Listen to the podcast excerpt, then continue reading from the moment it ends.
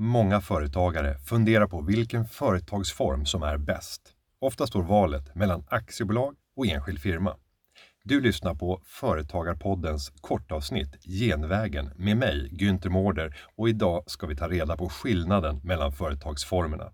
När ska man välja vad och när kan det vara läge att byta företagsform?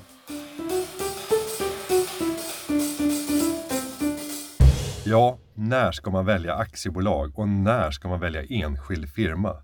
Båda företagsformerna är naturligtvis fullt möjliga att starta med. Men det finns skillnader som gör att det i vissa fall är bättre att välja den ena företagsformen framför den andra. Ungefär hälften av alla företag i Sverige är enskilda firmor.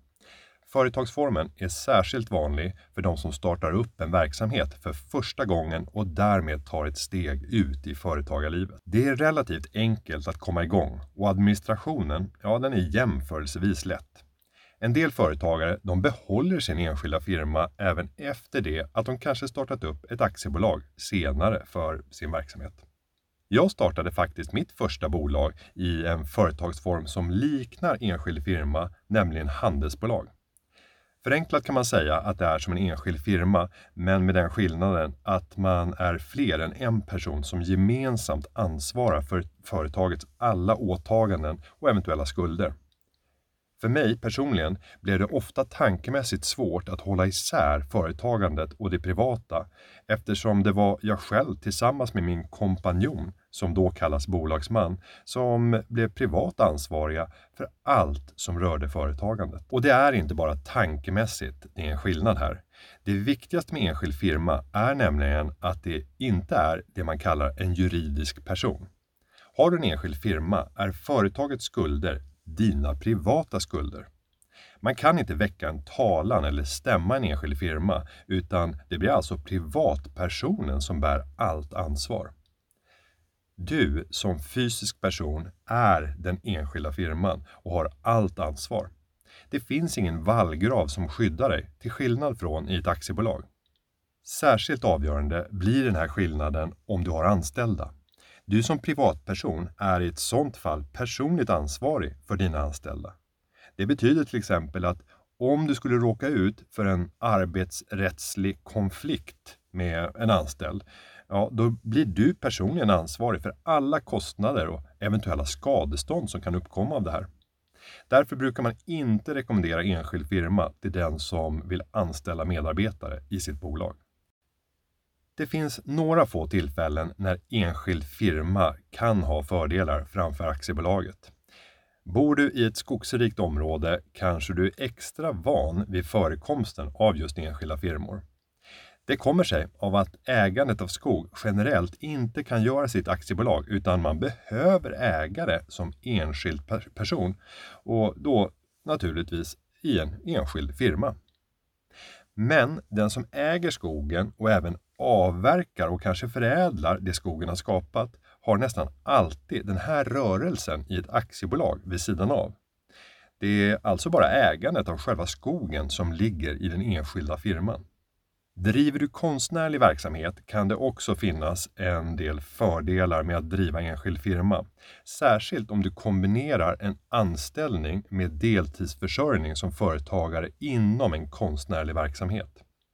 Då har du nämligen möjlighet att göra vissa skatteavdrag på inköp av konstnärligt material som gör att din totala skatt på inkomster från din näringsverksamhet och den tjänst som du får lön ifrån kan sänkas. Men man ska verkligen läsa på de här reglerna och veta hur de fungerar innan man fattar beslut om att starta en enskild firma av det här skälet. Fortfarande är det inte självklart att enskild firma alltid är rätt för det här typen av upplägg heller. På totalen är risktagandet mycket högre i en enskild firma. Det som drabbar bolaget kan komma att drabba din privata ekonomi direkt. Har du en enskild firma är det särskilt viktigt att du begränsar ditt företags risker genom att eh, teckna till exempel en företagsförsäkring. Att driva aktiebolag är så gott som alltid en tryggare form av företagande. Aktiebolag är en juridisk person i sig. Det innebär att eh, Du får något som kan liknas vid en vallgrav mellan företagets ekonomi och din privata ekonomi. Om du följer alla regler och inte på något sätt har gått i borgen för företagets skulder, ja, då har du heller inget personligt betalningsansvar för bolagets skulder. Sedan något år tillbaka så behövs det heller inte några enorma summor för att starta ett aktiebolag. Det lägsta tillåtna aktiekapitalet i privata aktiebolag det är 25 000 kronor och det är ett skyddskapital som du behöver avvara när du startar ett bolag. Det är ingen kostnad utan pengar som ska reserveras i ditt bolag som en säkerhetskudde. Sen kan man ju diskutera hur mycket trygghet som finns i 25 000 kronor, men det är i alla fall mer än noll.